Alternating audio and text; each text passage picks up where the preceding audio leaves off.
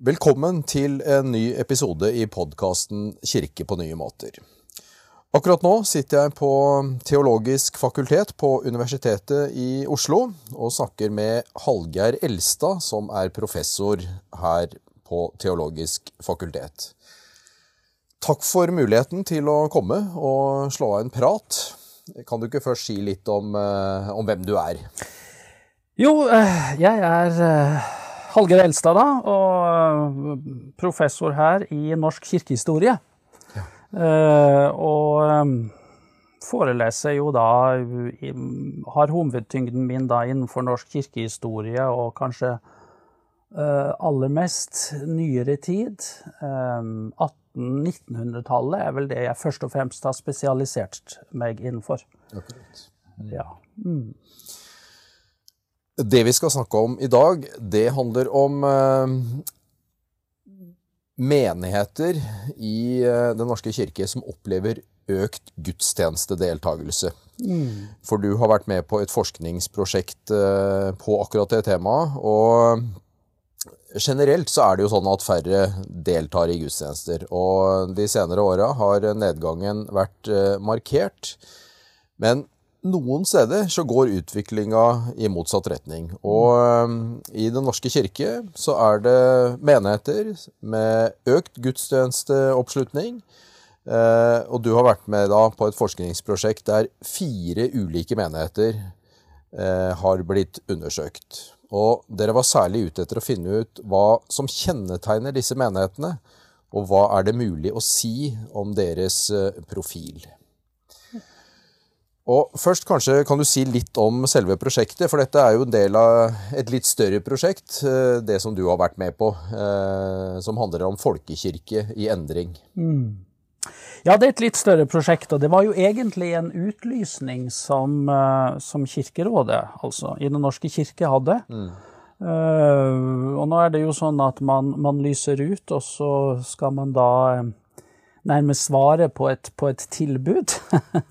Eh, en utlysning. Eh, og det var flere interessenter, forskningsinstitusjoner, fakulteter, som, eh, som la inn et anbud på dette. Mm. Og så falt det på oss, da, her ved Teologisk fakultet.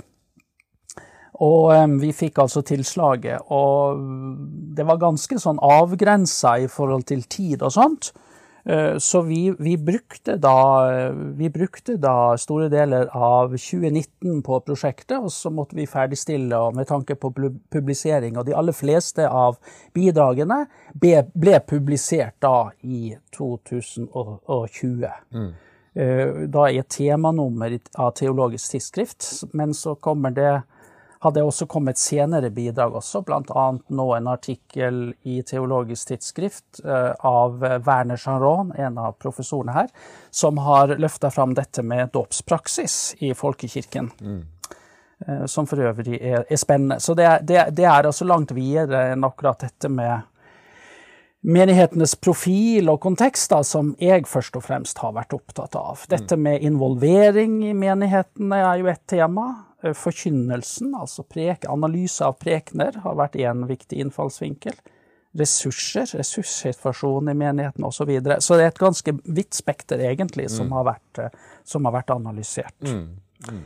Ehm, det kan kanskje være litt interessant å se på da eh, Kanskje litt nærmere hva som har vært problemstillingene i prosjektet. Veldig gjerne. Mm. Um, altså, ikke sant, Et viktig spørsmål er jo hvorfor Det, må man vel kunne si er hovedproblemstillinga i prosjektet. Altså hvorfor øke uh, deltakelsen om gudstjenestene i menigheter med høy oppslutning? Altså hva kjennetegner menighetene som sted? Kan man si noe om, om kristen profil, om menighetstypologi, interaksjon med eh, lokalsamfunnet, ressurser, som jeg var inne på? Men også hvilke rom etablerer gudstjenestene? Altså hva slags, eh, hva slags gudstjenesterom, lokaler har man, osv.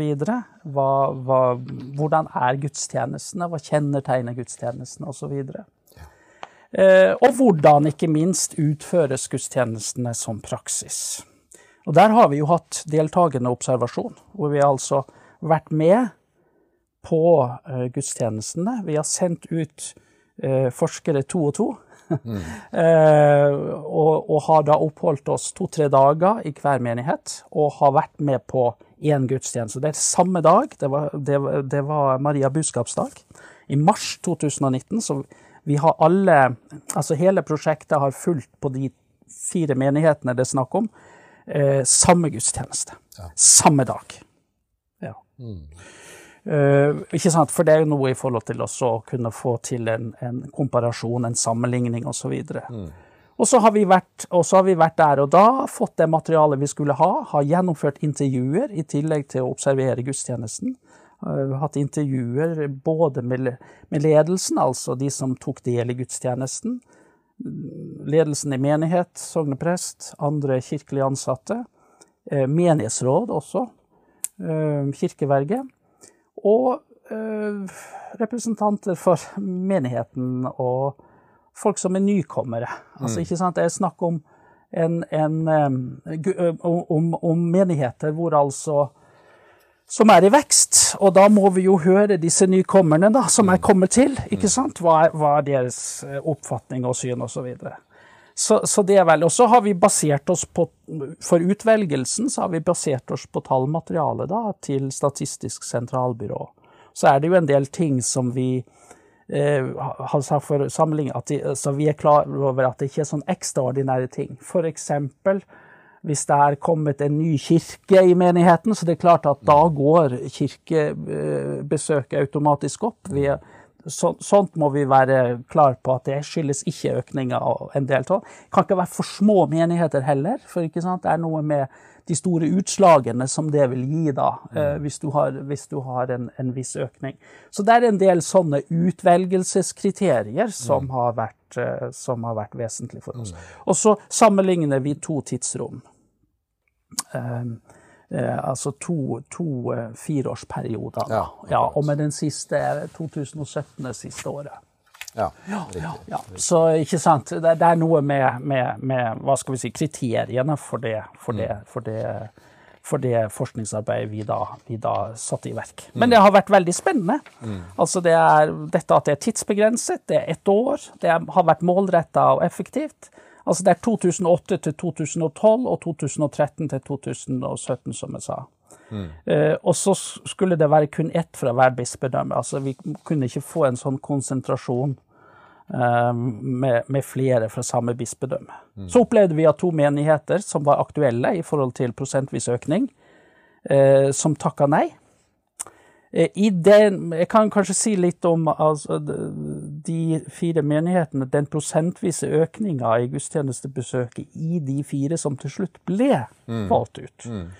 Det er henholdsvis 31,6 eh, på den som var mest, 28,3 24,4, og så på den siste det er 15,5, altså som lavest. Mm. Ja. Så det er feltbesøk og intervju og observasjon Eh, som har vært arbeidsmiddel. Vi har kanskje snakka med, eller intervjua, intervjua 60 personer ca. Ja. ja. Mm. Og, og, som du sier, det var fire, fire menigheter ja, med i utvalget. Og dere kaller de for eh, nord, sør, vest og øst. Ja, ja. Um, og det er jo mange, mange fell, eller i hvert fall flere likhetstrekk mellom disse menighetene. Det ja. er vel mitt inntrykk etter å ha lest en artikkel ja, du har skrevet ja. i Teologisk tidsskrift. Ja, Men det, det, er riktig. du må gjerne si litt om, eh, om, hver enkelt av de menighetene, og så kan vi kanskje komme litt tilbake ja, til fellestrekk etterpå. Til fellestrekk, ja. ja for altså, det er jo interessant. Altså, det, det, det vesentlige her var jo økningen. Mm. Ehm, hvor det er tatt høyde for eh, ting som, som eh, kunne være vanskelig statistisk sett. Da. Mm. Men vi, det, og resultatet av det ble jo at eh, vi fikk tre bymenigheter. Det er interessant. Det er bymenigheter i stor grad. Mm. Uh, som vi har snakket om, så det er tre av disse bymenigheter, riktignok i forskjellige bispedømmer. Uh, vi kaller jo dem for um, for eh, nord, vest, eh, sør og øst. Mm. og, og um, en av dem er en Ja, det er en landmenighet, men samtidig også et visst sånn tettsted uh, tilknytning, men, men, men, en landlig. Det er også en del ja, interessante trekk med dem, og det er at de til dels har um, ja, det jeg nærmest vil kalle katedraler, i, all, i alle fall ganske storslåtte kirkehus. Ja, alle fire. Alle fire, faktisk. Mm. Den ene er en middelalderkirke. Ja. Ehm, de andre er ikke, er ikke, så gamle, men de er relativt gamle. 1800-tallskirker. Ehm, mm. Ehm, men altså flotte, storslåtte kirkebygg, egentlig. Mm. Mm. Og samtidig så ser vi at mange av dem eller alle av dem har, har, også Ja, de har mye aktivitet knytta til kirkebygget, men på langt nær eh, bare i kirkebygget.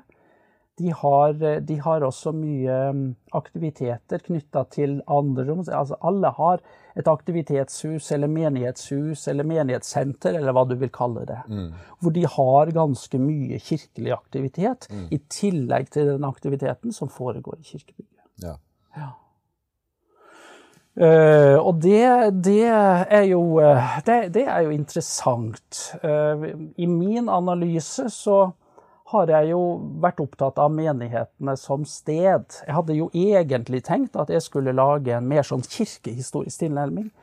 Men ofte så er det når man begynner på noe, så har man en intensjon. og Etter hvert som man begynner å jobbe, så forandrer man det. Mm. Og det skjedde jo veldig i mitt tilfelle. så eh, det ble ikke så mye historie, men det ble, det ble altså typologien, menighetstypologien, og kanskje også på en måte en, en, en Jeg kom fram til at, at, det er all grunn til å stille spørsmålstegn ved den tradisjonelle skal vi si, eh, de tradisjonelle eklesiologiske, altså eh, kirkelige modellene vi har, eller menighetstypene som mm. vi opererer med innenfor forskninga. De blir kanskje litt for statiske og passer ikke så godt inn så å karakterisere menigheter i dag, liksom. Mm. Ja.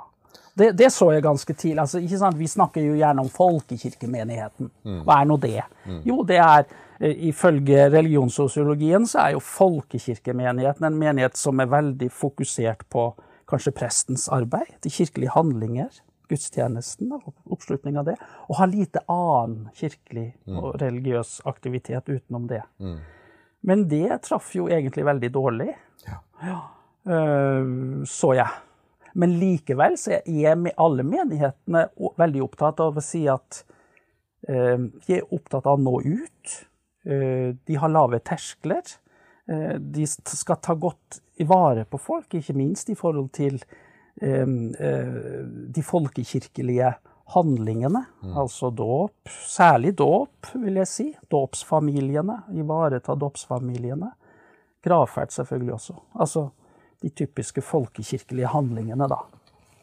Så, men, men, men, uten nødvendigvis at de bruker begrep folkekirke så mye i, i, i sitt materiell, eller i, når de henvender seg til omverdenen.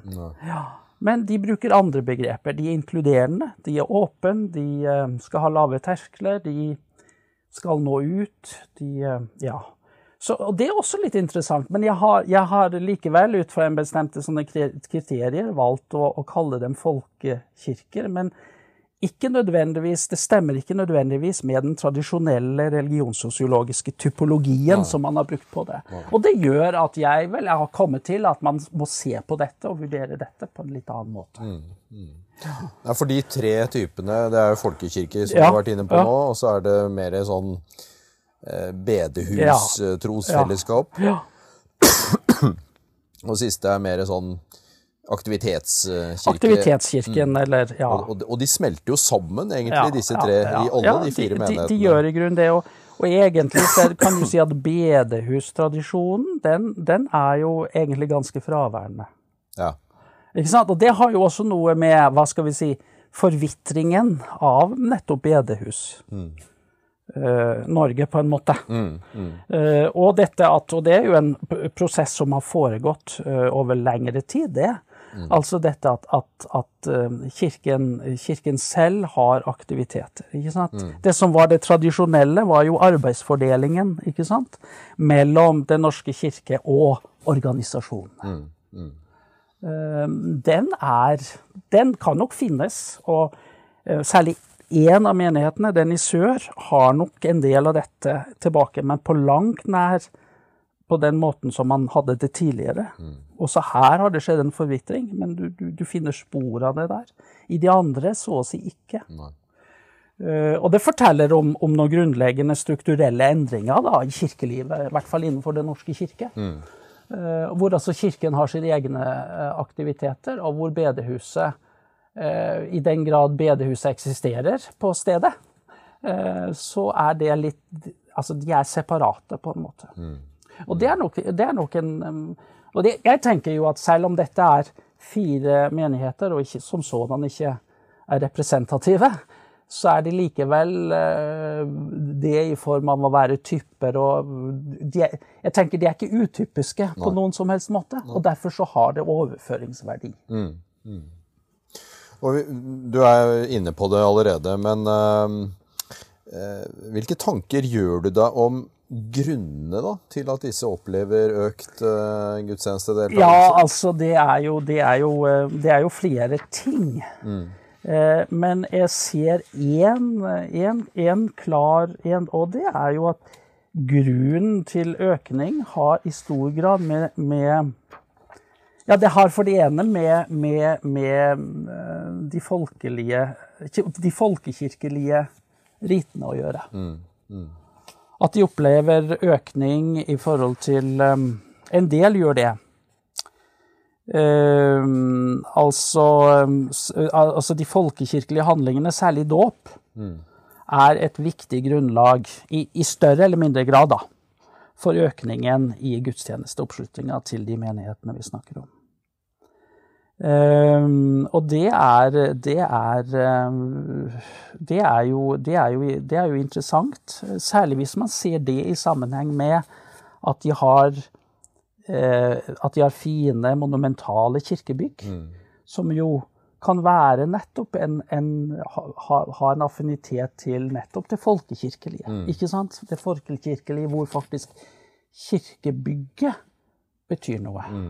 Er en identifikasjon, en, en identitetsmarkør mm. for, for, for, mennesker i lokalsamfunnet. Det er dit man går. Det er de viktige veiskiller i livet. De kirkelige handlingene osv. Mm. Oppslutningen om det. Eh, det at vi ser også at eh, dåpsfamiliene blir større. Mm. Altså de som kommer med barna sine til dåp. Ofte kunne det jo være Tidligere så kunne det ofte bare være de aller nærmeste, og så kom de heller i dåpsselskapet. Nå ser vi at så å si hele, hele dåpsselskapet er til stede i kirka. Mm. Det, er, det, er, en endring som, gjør, som, som er interessant, interessant, også. Uh, og det ser vi, og det har vi ikke fokusert særskilt på i denne undersøkelsen, men det ser man jo mer generelt også uh, mange steder. At uh, disse store dåpsfølgene, mange av dem går også til nattvær. Ja. I forbindelse, altså Det er jo både dåp og nattvær ofte, når det, er, når det, skjer i vanlige gudstjenester, i mm. søndagsgudstjenester.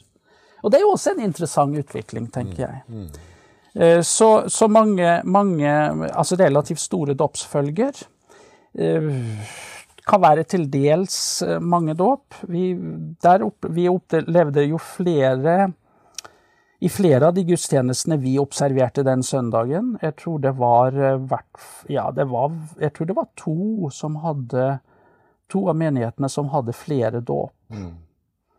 uh, i den gudstjenesten. I hvert fall én som hadde en. Uh, men det var dåp uh, i alle de gudstjenestene mm. som vi observerte. Ja. Og noen steder var det veldig tydelig hvordan dåpen så å si var sentrum i gudstjeneste. Mm. Kanskje særlig i nord. Hvor de, hvor de, la veldig vekt på også hvor viktigheten er. altså Sognepresten der sa jo 'Jeg elsker å døpe barn'. Mm, mm. Ikke sant? Altså det var, det var uttalt i profilen. Det er vår måte å være kirke på. Å nå ut og være åpen og inkluderende i forhold til det. Og der var jo også til dels hva skal vi si, sognegrensene brutt ned. Ja. ikke sant? Der kom det folk fra nabomenighetene. og det var ikke noe problem. Og det er også interessant, fordi at folkekirken er jo ofte blitt identifisert med en type territorialkirke. ikke sant? Det er sognene, ikke sant? Mm. Det stedet her. Men her brytes sognegrensene i mye større grad overskrides. Ja. Det som, og det er interessant. Og, men det ser vi ikke bare i forhold til dåp, men det ser vi også i forhold til gudstjenestesøkning. Mm. Og der er jo Øst et veldig godt eksempel, mm. som jo er en bykirke, og hvor gudstjenesten eh, søkes av mange. Svært mange, og, så, ja, fra hele, hele, den byen det er snakk om. Mm. Uh, og, og, den menen sier også, og, sant, og de legger veldig vekt på kvalitet. De legger vekt på ikke minst det kirkemusikalske. Men så sier de også 'vi skal ha byens beste kirkekaffe'. Ja. Og legger ned mye. Og der er, må man jo ha et hav av eh, frivillige. Da kommer igjen ressursspørsmålet inn i bildet. ikke sant? Så det er klart at eh, altså, det er flere motiver som gjør at man øker. Mm. Man, man, men man øker delvis ved å overskride sognestrukturen. Det syns jeg også er et interessant funn. altså. Mm. Mm. Ja. Og du er jo inne på i denne artikkelen veldig altså dåp uh, mye, ja, ja. Uh, og dette med kirkerommets betydning kirkerommets og tradisjonsaspektet. tradisjonsaspektet. Altså mm. Kirken som tradisjonsbærer. Mm. Jeg tenker noe som kanskje er nettopp det klassiske folkekirkelige perspektivet, mm. ligger der. Uh, gjennom, gjennom, en identifikasjon med bygget. Mm. Og dette at mennesker kommer tilbake Um, her har vi vår tilknytning. Vi trenger ikke å bo her, men det er likevel en tilknytning. Det er en fin kirke her, eller vi har en tilknytning her på annen måte. Vi kommer herfra. Denne kirken betyr noe for vår familie, osv. så Mm. Og, og to andre ting som, dere, ja. som, du er inne på, det er jo dette med for det første liksom, uh, bruken av frivillige, og i hvilken grad uh, ja. andre enn prest og kantor er tydelige i gudstjenesten. Det er én ting. Og så kunne det vært spennende også å høre litt hva du tenker om den økte gudstjenestedeltakelsens eh, betydning i forhold til liksom andre aktiviteter som skjer ja, i menigheten. For ja, dette er jo, ja, som du sier, det, dette er ikke bare søndagsmenigheter. Nei, det, dette er ikke, definitivt ikke bare søndagsmenigheter. Det, det, er aktive, levende menigheter. Mm. Og Hvilken betydning har det for gudstjenestedeltakelsen? Ja, ikke sant. Nei, altså i forhold til det første du spurte om, altså når det gjelder, eh, når det gjelder eh, eh, kirke... Eh, om, om selve, selve, kirken, kirkebygget, eh, men også aktivitetene. Altså, jeg opplever jo at de aktivitetene som finnes Og det er jo aktiviteter som er knytta til ofte andre steder enn kirkebygget, men det, det kan være delvis det. Mm. Er jo i stor grad knytta til trosopplæring. Mm. Trosopplæringsreformen. Mm. Og jeg sier jo altså, altså på, på, en måte så har trosopplæringsreformen i Den norske kirke øh, bidratt til å omforme menighetene i veldig stor grad. Mm. Til en større grad av, av, um, av involvering, engasjement, aktivitet. Som trekker til kirken. Også på søndager? Også på søndager. Ved at det foregår en del ting som, som, slutter, som, som på en måte uh, gjør at folk slutter opp om gudstjenester. Aktiviteter som barna er med på, og som da trekker familiene inn. Ja. F.eks. tårnagenter. En del sånne punkter som forutsetter kirkebygget. Eh, og, og, når det er aktiviteter som, man, som, bringes inn i kirken, så slutter folk opp rundt, og så får man også en økt eh, tilslutning og aktivitet. Eh, og, men det gjør, og det ser jeg også, at trosopplæringsreformen har gjort at menighetene også eh, er blitt eh, mer lik hverandre. Fordi at dette med tårnagenter, eh, sånne punkter i, i, i i, i trosopplæringsreformer. Disse aktivitetene har man jo rundt omkring i alle menighetene. ikke sant? Mm. Det, det, det, er blitt felles. Og det, og det, gjør at menighetene har i større grad er blitt eh, mer lik hverandre i kraft av trosopplæringsreformen. Mm. Uh, og det syns jeg er interessant, uh, et interessant funn i, i, og for seg. Altså at vi har kunnet observere det. Mm. Ja, men de har jo tårnagenter. De har jo disse punktene egentlig alle steder. Mm. Å ja, har de det her også? Ja, hjemme hadde vi det da og sånn. Altså, det blir noe felles. Mm. Altså igjen, Og jeg tenker, det er jo også et folkekirkelig aspekt, dette at gudstjenesten og det som skjer, er noe gjenkjennelig. Mm. Ja. Mm. det har man fått nå i stor grad gjennom trosopplæringsreformen, og det syns jeg er interessant. Jeg får en assosiasjon til det. Ja. Det var noe og Det må ha vært på slutten av 80-tallet, begynnelsen av 90-tallet Mm. kanskje. Eh, Et eh, prosjekt det var også i Kirkerådet med gudstjenesten i livet. Ja. Hvor det bl.a. ble sagt noe om at eh, eh, hvis du på en måte ikke og Da brukte man disse typologiene. da, Hvis du ikke liksom er definert som en del av den liksom bedehus- eller kjernemenigheten, så må du ha en grunn, eller et, Ja. et alibi Ja, for å gå i kirken. ja. Ja, ja, ja, utfordringen den gangen, det var liksom uh, La oss sørge for å gi folk noen av de alibiene. Og sånn sett har vel også trosopplæringen Trosopplæringsreformen har vært det, ikke sant? Og, og det ser man også andre typer aktiviteter som følger i trosopplæringen. ikke sant? Man starter med ulike i faser. ikke sant? Man får fireårsbok, man får seksårsbok og drar til. Man starter kanskje gjerne et kirkekor i tilslutning til noe av dette. Har en aktivitet ikke sant? rundt det, kanskje dagen før, hvor man bruker kirkerommet eh, aktivt. Og integrerer kirken og kirkerommet i aktivitetene. Eh, Og det er jo også med på å gi en altså, Saken er jo den at, at eh, folk må jo læres til eh, tro. De må jo læres til kirkelig praksis. Eh, altså Hvis ikke dette blir aktivisert, så, så er, det, får det jo ikke relevans for folk. Så det er, tenker jeg, jo, er jo trosopplæringens store utfordring. Dette å skape, å skape tilhørighet.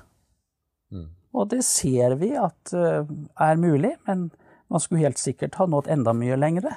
Men altså, jeg, jeg syns det er interessant å observere den aktiviteten uh, som dette genererer. Men selvfølgelig også i forhold til frivillige som er med. Og nå har det jo skjedd også en utvikling på Altså stabene, Kirkestaben er jo blitt større, for det er jo en del av dette med, med jeg tenker med trosopplærere osv. Som jo er til dels lønna stillinger. Og som gjør også at ressursene i mange menigheter eh, er blitt økt. Som muliggjør denne type aktiviteten, som kanskje ikke hadde vært mulig hvis ikke man hadde det, den økonomien som ligger i trosopplæringsreformen. Og dette medfører vel også at det er eh, mange flere enn presten som er synlige i gudstjenesten. Ja, ja. Og det, Det var- det det har vel også betydning. Det har betydning. Uh, og, og det er klart at de fleste steder så er det jo ikke lønna klokkere som det var før. ikke sant? Så du har jo frivillige som medvirker i gudstjenesten, eh, som tekstlesere, som eh, ja, ikke minst altså kirkeverter som tar imot folk. ikke sant? Nettopp i forhold til å ta imot la oss si dåpsfolk og den altså ønske velkommen, eh, gi en god velkomst. Eh, dåpsverter osv. Mm.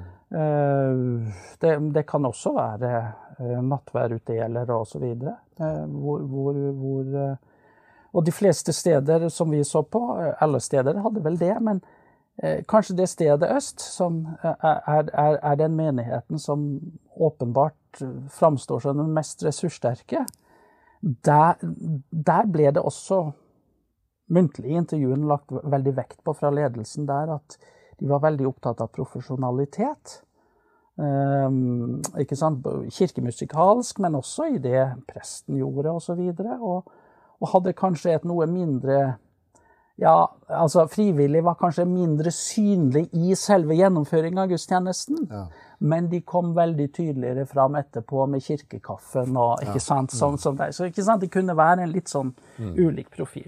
Men det, altså, gudstjenestereformen, som jo også er e- en viktig sak her, selvfølgelig, eh, har jo, er jo dette med involvering, ikke sant, veldig viktig. eh, og hvor det er ikke bare altså, Selvsagt det er ikke prestens gudstjeneste, det er eh, menighetens gudstjeneste.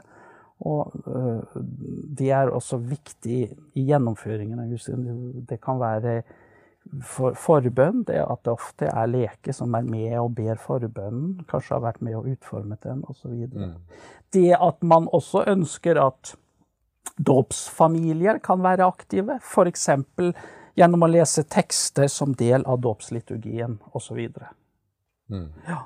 Så hele dette involveringsperspektivet, som var en av de viktige dimensjonene i gudstjenestereformen, ser man jo tydelig er, er, er til stede i, disse, i disse menighetene. Du, du, har vært inne på at disse tre kirketypologiene kanskje ikke er eh, verken avgjørende eller, eller, kanskje ikke helt sånn saksvarende lenger heller, nei, for ting er miksa sammen. Men, ja, ja. Det, jeg vet ikke om det var overraskende, det er kanskje ikke så viktig. Nei, men var det noe som du, som du opplevde at var overraskende i, i det dere fant ut? Nei, altså, det, det er klart at jeg tenker jo at det kan være noe i typologiene, men jeg tror man må tenke annerledes om dem. Altså eh, Tidligere Altså, de har gjerne fått et statisk preg. Mm. Enten er det en gudstjeneste folkekirkemenighet. Da kan den ikke være aktivitetsmenighet eller sånn. Sånn er det ikke. Eh, det er snarere at disse typologiene blir mer dimensjoner eller aspekter ved menigheter. Ja. Men det er ikke sånn at du, du er enten-eller. Men, men, men, men, det er aspekter som inngår eh, i, i, de fleste menigheter, faktisk. Mm. Og at de, kan, at de, kan, eh, fungere på den måten. Mm.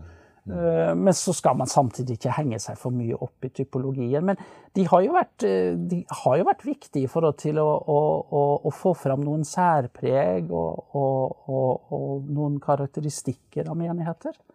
Men er snar, nå er det snarere aspekter ved menighetslivet kanskje de sier noe om. Mm. Mm. Ja.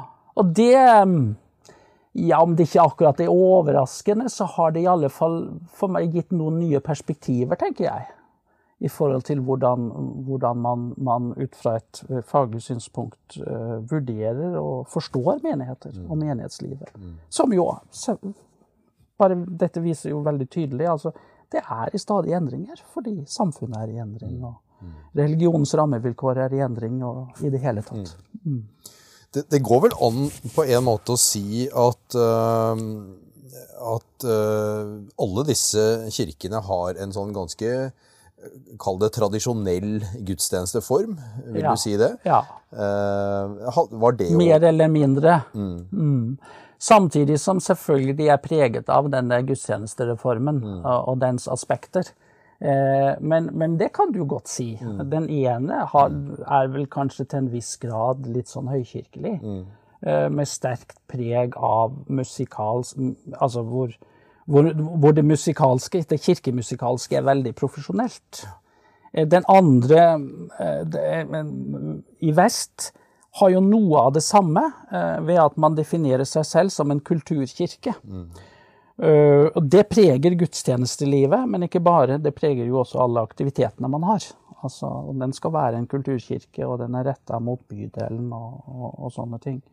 Så, så, men, men, men, ellers så, så, tenker jeg jo at, at, um, at alle disse fire menighetene er ganske tradisjonelle, for så vidt. Det gjelder jo sør, eh, og det gjelder også i høyeste grad nord. Og nord gjør jo dåpen til veldig viktig. Dåpen er på en måte den, den gudstjenesten vi, opp, vi, observerte der. Jo, der er jo dåpen høydepunkt. Og hvor da hvert dåpsbarn, og jeg tror det var tre dåp altså Hvert dåpsbarn møtes jo med akklamasjon, mm. ikke sant? Mm. Som jo uh, forteller noe om hva som er høydepunkt. Mm. Og så kommer liksom nattverden. Ja. Så kommer prekenen, selvfølgelig, og så kommer da nattverden, liksom. Men det er dåpen. Og, vil, og de barna løftes opp, og vi gir dem akklamasjon, sier presten. ikke sant? Det er jo interessant. Jeg, det, det, av og til så tenker jeg at liksom skal man lage og skape gudstjenester som liksom treffer folk nå, så må man kanskje være mer moderne i uttrykket, mm. nytenkende osv. Og, så eh, og samtidig så er det noe Nei. med at dette med gudstjenesten ja. holder oss fast ja, i en tradisjon, ja, en sammenheng, og at det tradisjonsaspektet nettopp blir viktigere. Ja, ja jeg, jeg, jeg, jeg, tror mer enn noen gang. Og mer enn hva vi tror. For jeg tror ikke folk først og fremst går i kirka for at det skal være hipt. Mm. Jeg tror de går i kirka for nettopp at de skal oppleve noe som er stabilt og stødig og ja, tradisjon, identitet. Noe som holder oss fast. Mm. Mer enn flimmersamfunnet og, og, og, de store endringene som skjer uten, i samfunnet utenfor, så å si, eller som vi er en del av, og som vi bringer med oss i kirkerommet. Mm. Men her kan vi få noe som er Så jeg tror faktisk det tradisjonelle er blitt viktigere for mange. Uh, og ikke sant, Vi skulle jo eksperimentere med masse ting, og det skulle være ditt og datt. Og nå ser man jo at nei, det er kanskje ikke det som fenger. Mm. Særlig den gudstjenesten i øst, uh, egentlig, som er veldig sånn uh, Ja, på en måte tradisjonell. Litt høykirkelig, som jeg sa. Samtidig som det musikalske er veldig sterkt, og som selvfølgelig bidrar med å gi ekstra, et ekstra fokus på, på det, altså den siden av det estetiske, da. Mm, mm. Og som er tradisjonell. For det er jo ingen moderne musikk, selvfølgelig. Nei. Det er dypt tradisjonell, ja. det er klassisk. det er, Og mm. der kommer jo nettopp det tradisjonelle inn. Mm. altså som øh, Ja. Så, så det, det, er Nei, så det, akkurat det, det syns jeg også er interessant, og jeg, jeg, jeg tror det mer og mer. Det er ikke det folk først og fremst etterspør. De etterspør en kirke som ikke er som alt det andre, men mm. som er annerledes. Som er representerer en annen dimensjon. Og det er orgel og ja. Ja, Klassiske instrumenter, ikke sant. Ja, og, og, jeg håper å si tradisjonelle salmesang, liksom. Salmesang og, og, og, musikkstykker, eh, ikke sant, som er den klassiske arven, ikke sant. Det, det, det, det er det. Det er ikke så mye moderne. Nei. Så kan man andre moderne i andre settinger, selvfølgelig, men ikke i, i hø, høymessen. Nei. Ja. Vi, vi, nærmer oss litt avslutning, men jeg har lyst til å spørre deg også om du kan oppsummere litt hva du tenker at andre menigheter kan lære av disse menighetene, eller av, av det du har forska på nå? Da? Ja, nei, Jeg tror en del har overføringsverdi i forhold, til, i, i forhold til å se på en del Altså, Jeg tror det kan skape en, for det første en del gjenkjennelse i forhold til andre, andre menigheter. Kan kjenne seg igjen i noe av dette. Er det og kan finne ut at ja, men dette er jo noe som også vi har. altså Dette mønsteret ser vi også hos oss. Mm. Det er jo den delen av det. Eh, så tror jeg jo samtidig at man kan, bli, kan sikkert la seg inspirere av en del ting som man ser at andre gjør, eh, og som kan fungere bra. Men det er klart at det er jo ikke sikkert at alle skal fokusere nødvendigvis like mye på dåp som man gjør i nord, eller ikke sant? Altså, eller det er ikke alle som har ressurser, og som ikke kan satse så mye på kvalitet, og har ressurser til å satse så mye på kvalitet som menighet øst, og delvis vest, gjør. Men ikke sant, man må jo finne sin vei ut fra sine ressurser, og, og ja, hvordan, man, hvordan en, man, selv ønsker eh, at menigheten skal være. Men jeg tenker det er først og fremst en inspirasjon til hva man kan tenke seg å gjøre, og hva som er viktig. Altså, hva, hva, hva, hva er den enkeltes menighetsstrategi? Hva er det vi, er det vi ønsker? hvilken retning ønsker vi å gå? Mm. Det kan det jo være Ønsker vi en, en veldig sånn åpen, inkluderende Altså nå ut? Ja, så man, bør man kanskje satse på det tradisjonelle. Har vi et gudstjenesterom som appellerer til den delen, eller må vi tenke annerledes fordi vi har nå en, en sånn kirke osv. Man altså, må tenke litt sånn i forhold til eh, de omgivelsene og de vilkårene og de strukturene man, man besitter, rett, rett, og slett. Mm. Men jeg, jeg, tror jo alt sånt kan man la seg inspirere av, selvfølgelig.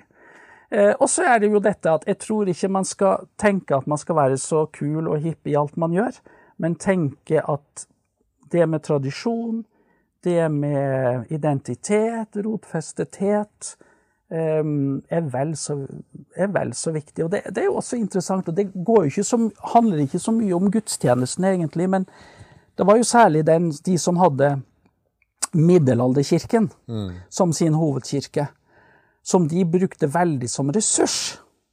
Og kan se at det virkelig er en ressurs. Altså fordi at da er det kunne det komme skoleklasser, og det, da hadde man jo denne integrasjonen i lokalsamfunnet, ikke mm. sant? Hvor, hvor, skoleklasser kom, og ja, men denne kirken, hva betyr det? De får historien. Det er, det er noe med at den yngre generasjonen må så å si oppdage kirken på nytt. Mm. Altså i vår sekulariserte tid, i vårt sekulariserte samfunn, i vårt pluralistiske samfunn, hvor kristen tro ikke er, er, noe selvsagt, slik det var før, men det er en pluralisme. Det, um, det er ett blant mange tilbud, mm. men nettopp å utnytte de mulighetene som du har f.eks. i et kirkebygg. Mm. No, fortelle en historie. Det er en arv. Så skal du ikke bare være i fortiden. Dette er ikke et museum, men dette har aktualitet i dag. Mm. ikke sant? Så, men, men, men, nettopp de uh, trådene bakover er, er også viktig for å ja, oppleve, oppleve, tilhørighet mm. og identitet uh, hos, hos mange. Og det ser vi jo hvis det skjer noe med kirkebygget. Hvis det brenner, eller eh, Og så skal man bygge det opp igjen, ikke sant? Hvordan lokalsamfunnet engasjerer seg i forhold til det. Og egentlig tror jeg at, at eh, kirkebygget er undervurdert eh, i, i, i norsk kirkeforskning. Mm. Betydningen faktisk av kirkebygget. Hm. Ja. Ja vel. Jeg vet i, i Borg bispedømme så jobber de jo eh, veldig sånn målebevisst i forhold til liksom, De har, har jobba med noen modeller for å liksom, forstå medlemmene sine. Eh, og, og, de er jo veldig tydelige på at det er kirkebygget, kirkerommet, og så er det kirkemusikalske. Det er kanskje de to største fordelene Kirken har, og som man må utnytte bedre. Mm. Ja da, og, det, og det, det, tror jeg kommuniserer veldig godt i forhold til den undersøkelsen ja, vi har gjort. Det høres sånn ut. Uh, I høy grad. Mm. Så tenker jeg jo, og det har jo også vært et veldig viktig fokus i Den norske kirke. Uh, uh, altså i forhold til dåps opp, slutt, Oppslutningen om dåp, mm. særlig. Mm. Hvor man jo har opplevd et, et, et, et, stort fall, egentlig, i dåpsprosenten. Mm. Og det har gjort at mange menigheter har fokusert veldig på dåp. Ehm, vi har sett i de menighetene vi så på, så var jo det dåp i gudstjenestene. Men, men, nå skjer jo like mye, eller, eller, kanskje i større grad enn tidligere, dåp også utenfor gudstjenestene gjennom særegne dåpsgudstjenester. Hvor du nettopp kan la dåpen komme til sin rett og ha hovedfokus. Mm. Og jeg, jeg, tror kanskje det til en viss grad er en slik differensiering man må ha. i forhold til, For det er ikke sikkert at de som går jevnlig til gudstjeneste, alltid vil ha dåpen i sentrum. Altså De føler at ja, men gudstjenestelivet, troslivet, handler om noe mer. Vi, vi, vi må ha noe bredere. Og det så vi jo også noen som sa. at Nei, men av og til så må vi gå i en annen menighet, for her har uh, dåpen så stort fokus at vi føler at vi må ha litt dåpsfri innimellom. Ikke sant? Så, så, um, så det, det, går an å tenke litt alternativ til det, til og med drop-in-dåp osv., så man har enkelte steder. Og det er jo noe av aspektet i det som um, professor Charot her eh, løfter fram i sin artikkel. altså hvor, hvor altså, at egne dåpsgudstjeneste faktisk gir oss mulighet til å rendyrke dåpsperspektivet. Noe man, han tenker i hvert fall, man ikke kan og ikke skal gjøre i den, i, i, i, den felles gudstjenesten, ikke sant? For det er også andre sider ved kristenlivet som må fram, ikke sant? Så, så man kan ha en sånn. Men så, så, har du jo kanskje et kritisk uh, anlegg i forhold til det også, fordi at ja, men dåp er jo ikke noe privat. Altså dåp er jo eh, Man blir døpt inn i en sammenheng. Mm. Man blir døpt inn i et menighetsfellesskap.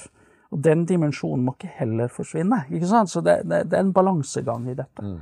Uh, og jeg ser også eksempler på at ja, at uh, dåpsfamilier ønsker kan du ikke komme igjen og døpe mm. barnet. ikke sant? Mm. Mm. Og, igjen, hvordan forholder vi oss til det? Ja.